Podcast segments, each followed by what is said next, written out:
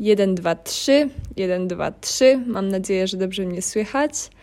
E, witajcie po dosyć długiej przerwie.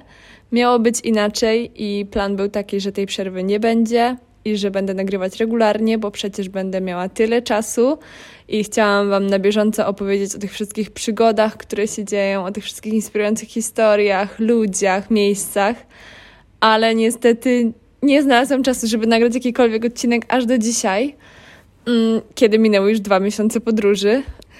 Ale to nic, wszystko nadrobię. Mam jeszcze kilka starszych odcinków do dogrania, przygotowanych już. Wszystko nadrobię, obiecuję. A dzisiaj chciałabym opowiedzieć Wam o rzeczach, których najprawdopodobniej nie powie Wam osoba, kiedy będzie opowiadać o swojej podróży, e, bo wiadomo, że opowiadać tylko o tych fajnych częściach. I nie to, że chcę narzekać, ale chcę Wam opowiedzieć o kilku takich małych kwestiach, o których pewnie byście nawet nie pomyśleli, a z którymi zmagają się osoby, które dużo podróżują. Bo wiele razy, naprawdę wiele razy, słyszałam, że mam idealne życie, że mogę podróżować cały czas i to jest idealny scenariusz. No właśnie, ale czy na pewno to jest idealny scenariusz?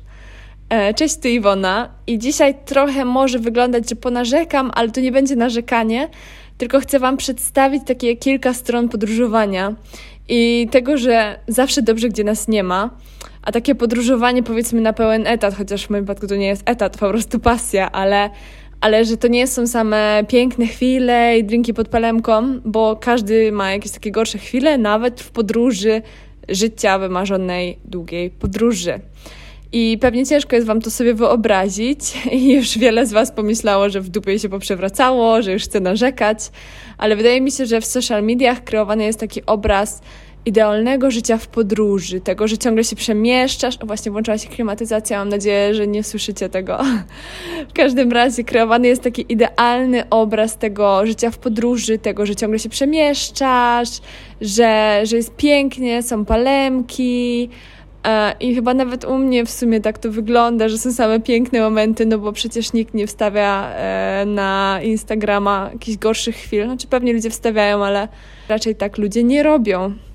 No i właśnie, niekoniecznie tak jest, że zawsze jest tak pięknie i ładnie, bo tak ładnie to wszystko wygląda na zdjęciach i ładnie gdzieś się o tym myśli, ale jest wiele rzeczy, których nie widać na tych zdjęciach i nie widać na tych zdjęciach z tą przezroczystą wodą i to nie jest tak, że taki styl życia to są same męczarnie i to jest dramat, bo przecież gdyby tak było, to byśmy się na to nie, nie decydowali. Chodzi mi o osoby, które decydują się na takie dłuższe wyjazdy, bo tu nie chodzi tylko o takie życie ciągłe w podróży, ale nawet jakąś taką dłuższą podróż.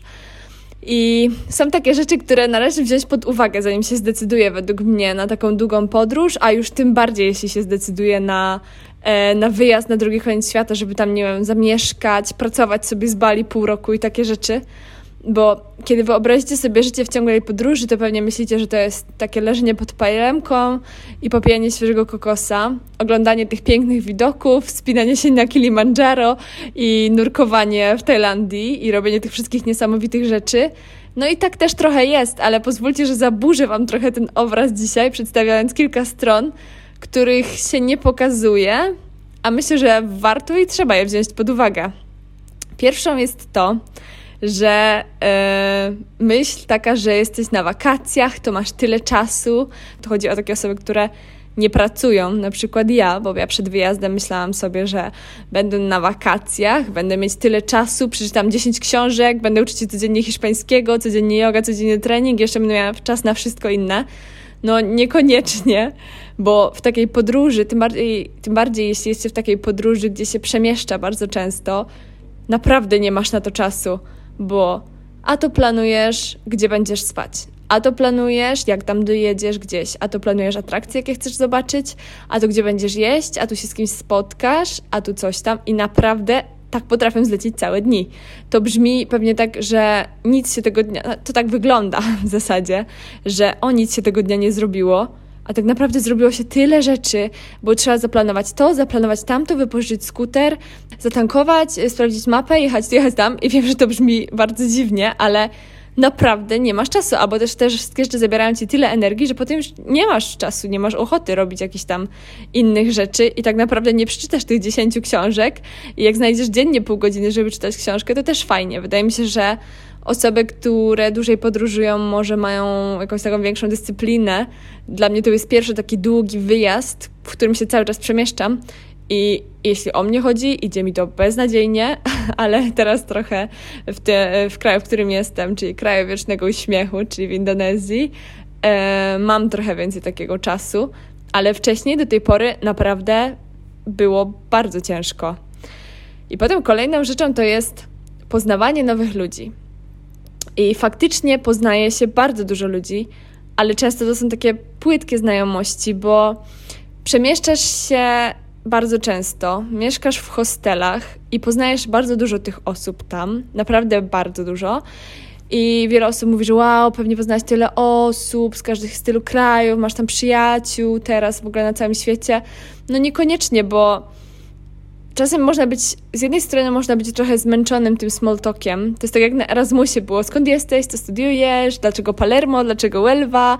Yy, i tak dalej. A w, szczególnie w, teraz w Azji Południowo-Wschodniej to wygląda tak, że zawsze jest taki sam small talk, jak masz na imię, skąd jesteś, ile podróżujesz, co zobaczyłeś, gdzie masz zamiar jechać. I wiecie, to jest naprawdę fajne i ciekawe wymienić się doświadczeniami z tymi innymi osobami i opowiedzieć o swojej podróży i usłyszeć o ich podróży, ale jeśli to się dzieje codziennie, po kilka razy dziennie, już zaczynasz mieć tego dosyć i przemieszczając się z miejsca na miejsce co kilka dni, bardzo trudno jest zbudować z kimś taką głębszą relację, bo tak naprawdę ty się przemieszczasz, albo ty wyjeżdżasz, albo ta osoba wyjeżdża. Ciężko jest się złapać gdzieś później po drodze, oczywiście to się udaje, ale jest trudniej. I dlatego faktycznie poznajesz takich bardzo dużo, i, i, dlatego faktycznie poznajesz bardzo dużo ludzi, ale często to są takie trochę płytkie relacje i takie na krótko, że albo z tymi osobami się więcej nie spotkasz. Nie mówię, że zawsze, bo oczywiście można zbudować fajne przyjaźnie, fajne znajomości, ale w większości powiedziałabym, że duży procent tych osób to są po prostu takie osoby tylko na trochę, które się pozna i potem one pojadą w swoją stronę, a ty w swoją. No i też propos poznawania ludzi przypomina mi się taki taki drugi element. Rozmawiałam kiedyś z koleżanką, która też tak dużo podróżuje, z Polką, i ona powiedziała takie zdanie, że, e, że wraz ze swoją przyjaciółką bardziej wolą poznawać parki niż solo podróżników, bo parki są bardziej ustabilizowane i można z nimi głębiej porozmawiać. I wiecie co, ja się chyba z tym zgodzę, że bardzo często poznawa- poznając nowe osoby, poznawałam takich podróżników, którzy jeżdżą od miejsca do miejsca, trochę tylko poimprezować, trochę zaliczyć kaca w innym miejscu. Ja nie chcę tego oceniać, jak kto podróżuje, ani jaki ma styl, jak to wygląda, ale trochę tak jest, że ci solo podróżnicy czasem są tacy, tacy wild, nie wiem jak to określić. Oczywiście nie wszyscy i nie bierzcie tego do siebie i się nie obrażajcie, ale ja po prostu tak zauważyłam, że jest jakaś tam duża grupa takich osób, które, które są takie w tym trochę zagubione. Kolejna rzecz jest taka, że ty jesteś tutaj, a twoi znajomi i twoja rodzina jest tam, w Polsce. No i wiecie, ich życie się nadal toczy i to nie jest tak, że ty podróżujesz, tam życie się zatrzymało, e, tylko ich życie nadal idzie swoim torem, oni nadal świętują urodziny, oni nadal jeżdżą na wypady na miasto, no i możecie zostać z nimi w kontakcie, możecie się zdwaniać na wideokole i pisać wiadomości, odpowiadać sobie na Instagramie na zdjęcia, ale zawsze jest tak, że coś tracicie. Nie będziecie na tych imprezach, nie uczestniczycie w tych śmiesznych sytuacjach, nie tworzycie tych takich inside joke'ów. I tacy prawdziwi przyjaciele, wiadomo, że zawsze przy Was zostaną i będą obecni w tym życiu. Nieważne, czy jesteście dwa, czy dwa kilometry, czy dwa tysiące kilometrów dalej, czy 10 tysięcy kilometrów dalej, ale tracenie tych małych chwil jest czasem naprawdę takie smutne, bo um, jak rozmawiałam z osobami, które robiły wymianę nawet w Europie, czyli całkiem stosunkowo blisko, to wszyscy mówili, że po powrocie trzeba poświęcić dużo czasu, żeby odbudować te relacje ze znajomymi, żeby wróciły na ten sam, powiedzmy, etap, jak przed wyjazdu. E, no bo to faktycznie jest tak, że ciebie nie ma i, no i traci się dużo faktycznie. I to też weryfikuje w sumie grupę znajomych, to jest akurat chyba dobre. I, I też wiele osób gdzieś tam się odwróci, wiele osób będzie zazdrościć, no ale w zasadzie, czy chcemy mieć takie osoby w swoim życiu? No nie, więc okej, okay, to, to jest akurat dobre, więc to jest trochę taki plus. No i więc uważam, że to jest taki plus, że zobaczymy, kto nam dobrze życzy i kto, kto chce dla nas dobrze, a kto jest taki trochę zawistny. No ale to samo jest z rodziną, że tak jak omijają was wydarzenia urodziny, tak omijają was wydarzenia u przyjaciół i nie będziecie, nie wiem, na ślubie kuzynki albo na 80. urodzinach babci. I oczywiście wiele razy możecie sobie zaplanować czas, że będziecie na tych wydarzeniach, ale jeśli w ciągu roku będziecie w podróży dużo, no to nie dacie rady wrócić na wszystko do Polski i sporo tego niestety się straci. I dopiero wtedy zdajecie sobie sprawę, kiedy jest dużo tych, że, że tych imprez jest tak dużo, kiedy was nie ma w tej Polsce i musicie co chwilę odmawiać. I tak samo dla mnie kolejnym takim trochę smutnym elementem jest to, że po prostu widzę na przykład, jak moi dziadkowie się starzeją, jak wracam za każdym razem i przy każdym powrocie, jak wracam, są trochę starsi, trochę, trochę słabsi. I oczywiście to jest jeden z moich największych lęków, że kiedyś mogę wrócić i ich nie zostać w domu. I wiem, że nie, nie ja jedyna mam takie obawy, ale to jest chyba taki jeden z, z najgorszych w sumie lęków. Wydaje mi się, że to każdego, kto gdzieś tam podróżuje długo i długo go nie ma w kraju. Mm, no, ale teraz zmieniamy dalej, jedziemy dalej z tą karawaną narzekania, bo trochę tutaj tego wylistowałam.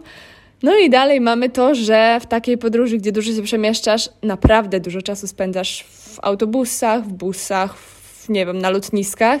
No i trochę się nudzisz, może masz chorobę morską, tracisz dużo czasu na pociągi, autobusy, czekasz, bo przecież mają opóźnienie, bo na przykład w Tajlandii zawsze mają opóźnienie. No i czekasz też na wizy. No bo podróżując, no właśnie wizy, bo podróżując po Europie my zapominamy, że takie dalsze podróże wymagają właśnie tej takiej logistyki wizowej dodatkowo, że musisz e, myśleć o tym, czy zdążę zobaczyć wszystko, co chcę zobaczyć, zanim skończy mi się wiza, kiedy aplikować o wizę do innego kraju, czy mogę wjechać bez wizy, czy mogę zrobić to online, czy mogę zrobić to na miejscu, jak dojechać, jakie, co jest tańsze, a czy mogę dostać wizę na granicy e, i tak dalej. I mam wrażenie, że wszyscy, którzy podróżują takie dalsze części świata, dopiero sobie, e, dopiero sobie uświadamiają, jak super jest żyć w Europie, ale też powinniśmy wszyscy dostać jakiś certyfikat z logistyki. Naprawdę to jest. Myślę, że wszyscy bylibyśmy idealnymi logistykami po takiej podróży, bo to naprawdę jest. E, bylibyśmy dobrzy w tą pracę, jestem tego pewna. Jeśli ktoś nie organizował sobie nigdy sam wyjazdu, to pewnie wydaje mu się, że teraz może przesadzam ale o ile nie wypożyczasz auta i twoim jedynym problemem nie jest, nie wiem, niedziałająca mapa Google, no to wiecie o czym mówię i o takim wiecznym planowaniu połączeń, najtaniej, najszybciej, o, no myślę, że myślę, że jeśli ktoś był w takiej podróży, to wie o czym mówię. Następnie to, że miejscowi będą kochani i oni będą chcieli ci pomóc i będą się do ciebie uśmiechać, ale no niestety będą też tacy, którzy będą widzieli cię przez pryzmat tego takiego twojego koloru skóry, i będą widzieli cię przez, przez, przez pryzmat tego, że pewnie masz zamożny portfel, no bo przecież mogłeś sobie pozwolić na ten wyjazd, no to podają ci cenę trzy razy droższą. E, I o ile to jest plusem, że właśnie tutaj na przykład w krajach Azji Południowo-Wschodniej targowanie idzie bardzo dobrze, no ale to wiecie, trzeba się do tego przyzwyczaić, że na przykład ktoś ci poda jakąś cenę, to zawsze, zawsze, zawsze musisz ją obciąć co najmniej, nie wiem, o połowę, jeśli to nie jest taki sklep typu, typu jakiś tam market no to naprawdę często te ceny są zawyżane dla nas, dla przyjezdnych. No, może z jednej strony to rozumiem, że miejscowi chcą jak najwięcej ugrać, ale to jest czasem męczące, kiedy za każdym razem musisz walczyć o lepszą cenę. E, no i dalej, dalej. Dalej jest tęsknota za własnym łóżkiem i tęsknota za takim domowym polskim jedzeniem, bo ja kiedy mieszkałam w Hiszpanii czy we Włoszech, to tego nie odczuwałam ale odczuwam to coraz częściej, kiedy mieszkałam na Islandii i teraz właśnie tutaj w Azji Południowo-Wschodniej, że kiedy przemieszczam się z miejsca na miejsce, średnio co 2-3 dni zmieniam miejsce pobytu, co 2-3 dni zmieniam łóżko, a nawet czasem częściej, to wtedy naprawdę tęsknię za takim swoim łóżkiem i ze swoim znajomym zapachem pościeli i potem jeszcze masz dosyć pakowania i rozpakowywania się i chcesz się zatrzymać w jednym miejscu i kiedy już to zrobisz i zatrzymasz się w jednym miejscu, nie wiem, na cztery noce, to doświętujesz i czujesz się, że, że prawie jesteś jak w domu, bo przecież jesteś w jednym miejscu tak długo. I czasem to jest takie właśnie potrzebne w drugiej podróży, żeby dać sobie odpocząć od podróży i zatrzymać się w jednym miejscu i poczuć się właśnie jak w domu, móc powiedzieć pani w sklepie do zobaczenia jutro, a nie do, do widzenia i już nigdy tam nie wrócisz. tak samo do wracania do ulubionej kawiarni. Ja akurat jestem teraz po takiej dłuższej przerwie w jednym miejscu i byłam w jednym miejscu. Plan był taki być 5 dni, a byłam 10 i nadal mogłabym chyba być w tym jednym miejscu jeszcze dłużej, bo tak bardzo potrzebowałam takiej przerwy, takiego odpoczynku, wracania do tych samych miejsc, spacerowania po tych samych ulicach. Naprawdę czuję się to super, kiedy jest się tak w takiej dłuższej podróży. No i jeszcze to jedzenie jest taką tęsknotką, że no nie wiem, na przykład we Włoszech tego nie miałam, no bo tam jedzenie to jest raj. E, jakościowo i też smakowo, ale na Islandii, no i właśnie w Azji miałam to bardzo często, nawet w Hiszpanii mi się to zdarzało, że tęsknisz potem już za wszystkim. I za takimi prostymi rzeczami, za dobrej jakości chlebem, za pierogami, za białym serkiem, serkiem wiejskim. Matko, jak ja tęsknię za białym serkiem. I wiecie, ja na przykład kocham azjatyckie jedzenie i przed przyjazdem tutaj mówiłam, że nie, nigdy mi się nie snudzi, będę jeść pad thai codziennie, no a potem nagle zaczynasz nawet tęsknić za kapustą kiszoną, której nie lubisz. E, no i niestety tęskni się za tym miejscem, z którego się pochodzi. I dla mnie to jest w ogóle taki fakt bardzo ciekawy i zastanawiający, jak to jest, że to skąd pochodzimy buduje w nas takie jakieś fundamenty, jeśli chodzi na przykład o jedzenie.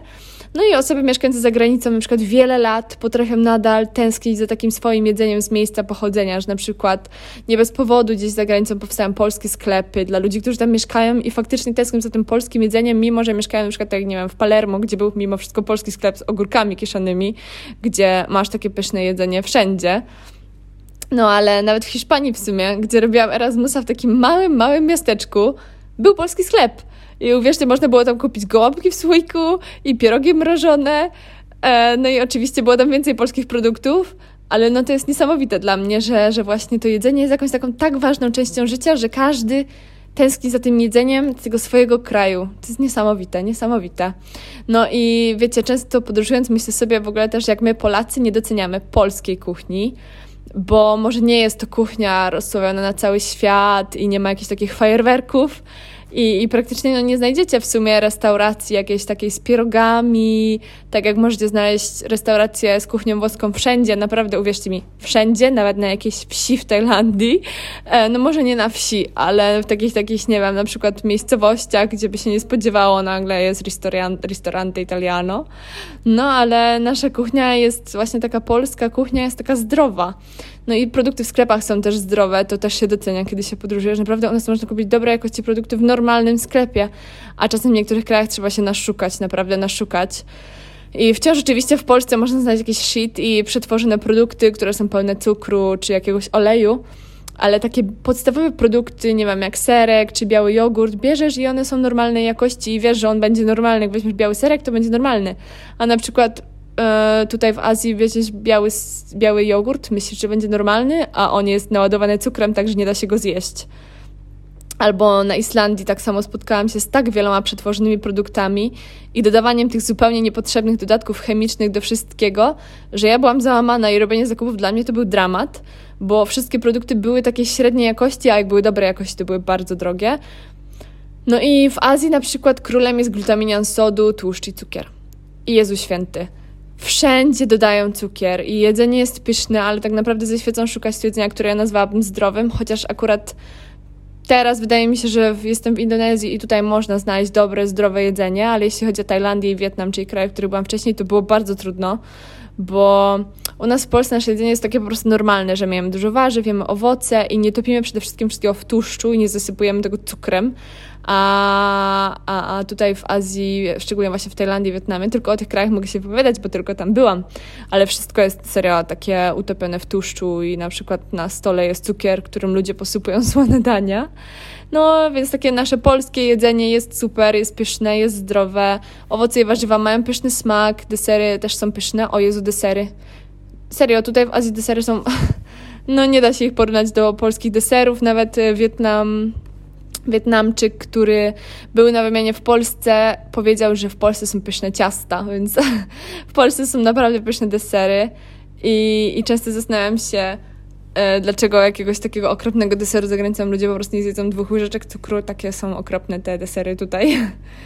E, kolejnym takim punktem do trochę narzekania jest taka tęsknota za stabilizacją, bo jak już lecimy z tymi tęsknotami, to teraz taka trochę najgorsza, że kiedy wyjeżdżałam gdzieś w czasie, w czasie studiów, to zawsze miałam taką perspektywę, że wrócę do Wrocławia, że przecież tam studiuję, tam mam swoje mieszkanie. E, no i, i potem i potem skończyłam studia. Przepraszam, że się tak zacięłam. Musiałam się zastanowić. No i potem skończyłam studia i jest trochę tak, że no nie mam takiego 100% swojego miejsca, swojego domu, bo z jednej strony wiadomo, że dom rodziców będzie zawsze moim domem, ale to nie jest już taki, wiecie, mój pokój anyway jest już zamieniony na magazyn, no i, i chciałabym mieć z jednej strony swój kąt, swoje mieszkanie, no ale z drugiej strony cały czas jestem w podróży, no i też, wiecie, czasem też tęskni się już nawet za tą nudną pracą, na którą tyle się narzekało, albo, no bo trochę tak w sumie jest, że zawsze tęsknimy za tym, czego nie mamy, I dosyć ważna jest chyba ta świadomość tego, że gdybym była w tym miejscu stabilizacji, takiego normalnego życia, to chciałabym, nie wiem, coś innego i pewnie chciałabym być w podróży. I, i w, więc w ogólnym rozrachunku wybrałam po prostu to, co daje mi więcej szczęścia. Ale tak jak mówię, to nie jest tylko świetna zabawa i same super rzeczy, bo każdy e, ma jakieś tam, wiecie, swoje, swoje problemiki i mogę wam powiedzieć, że ja naprawdę kocham zmieniać miejsce, kocham widzieć nowe, nowe kraje, nowe osoby, ale trochę też tego nienawidzę, ale bardziej oczywiście kocham niż nienawidzę, więc to robię. Wiem, że to takie masło maślane, masło maślane, ale uwierzcie, że, że w tym szaleństwie jest reguła i mam nadzieję, że mnie trochę rozumiecie. No i już tam powoli, powoli będę do końca się zbliżać. Jeszcze przedstawię Wam taką jedną stronę, której ja nie doświadczam, bo ja w sumie nie pracuję teraz w czasie podróży, ale słyszałam to od osób, które, e, które albo podróżują zawodowo, albo, no przeważnie chyba podróżują zawodowo, taki zawód podróżnik, wiecie, piszą e-booki albo coś takiego. No i wiem, że teraz wiele osób myśli, że zawód podróżnik to jest idealny zawód, że po prostu zawód podróżnik to jest zawód, który każdy by chciał robić, ale nikt chyba nigdy nie myślał, znaczy, no nie, dobra, nie mówię, że nikt, ale wiele osób na pewno, kiedy to mówiło, nie myślało tak naprawdę, jak to wygląda. Bo to jest tak jakby zawód podróżnik, to jest zawód, tak jak każdy inny, który wymaga dużego wkładu czasu w Twoją pracę. I wiele godzin spędzasz przed komputerem, jakieś spotkania biznesowe, dopracowujesz współpracę i tym podobne. No i potem jesteś w tej podróży i, i co chwila wiesz, wiecie, robisz zdjęcia, filmiki, wstawiasz to wszystko w social media, jest pięknie, ale kiedy pojawiasz się w jakimś miejscu takim jakby z celem stworzenia kontentu, to zajmuje tym osobom naprawdę wiele godzin, tak naprawdę wiele godzin, że wiecie, zdjęcia z różnych perspektyw, filmik tu, filmik tam, czekanie aż ktoś, kto ci zajmuje cały kadr, wyjdzie z kadru, e, wstawianie wcześniej rano, żeby nie było jeszcze ludzi, e, zgrywanie materiału, przerabianie zdjęć, klejenie filmików i na przykład ja kiedyś sobie myślałam, że a, może zacznę coś publikować bardziej regularnie, może coś z tego będzie, ale uwierzcie mi, że to jest tak żmudne i tak nudne i tak, znaczy, dobra, nie nudne, ale to zajmuje naprawdę tyle czasu, że stwierdziłam, że nie mam w sobie tyle tyle, tyle nakładów cierpliwości i, i, aż takiej pasji do tego, żeby chyba coś z tego było kiedykolwiek. No ale właśnie, że tak z pracy, z tego zawodu podróżnika, tak jakby z pracy, która miała być wiecznym urlopem, tak naprawdę później mamy taki urlop, który jest ciągłą pracą, bo ciągle myślisz, że może to, co widzisz, to powinieneś zrobić zdjęcie, a może czy twoi odbiorcy by to polubili, czy nie. No i dalej, dalej, dalej, ostatnie już prawie narzekania, czyli jak trudno jest utrzymać regularność w czymkolwiek, co robisz. W treningach, w nauce nowego języka, w zdrowej diecie, w nakładaniu odżywki na włosy, w robieniu maseczki na twarz, balsam na ciało. Wiesz, że to są takie małe rzeczy, ale jak jesteś już cały czas w podróży, to nie jest łatwo. Jeszcze może jak e, właśnie ktoś tak no właśnie, nie wiem, co chciałam powiedzieć teraz, ale często jest tak, że to zmęczenie wygrywa, wiecie, że, że szybko łapiesz wolną łazienkę i idziesz spać. I czasem nawet e, te nieprzyjemne i ciemne hostele, ja mam takie coś przynajmniej, że jak jestem w jakichś takich e, nieprzyjemnych miejscach, to nie mam takiej ochoty robienia czegoś więcej i, i właśnie, że i zauważyłam to, że jak śpię w jakimś takim trochę fajniejszym miejscu, to od razu jest mi łatwiej zadbać jakąś taką regularność, że od razu chce mi się wyjść i zrobić, nie wiem, jogę na, na podwórku gdzieś tam, a kiedy to miejsce jest takie fu, to, to mi się nie chce nic robić, tylko chcę iść spać i wyjść z tego miejsca i chodzić gdzieś po ulicach, ale tylko nie być w tym miejscu.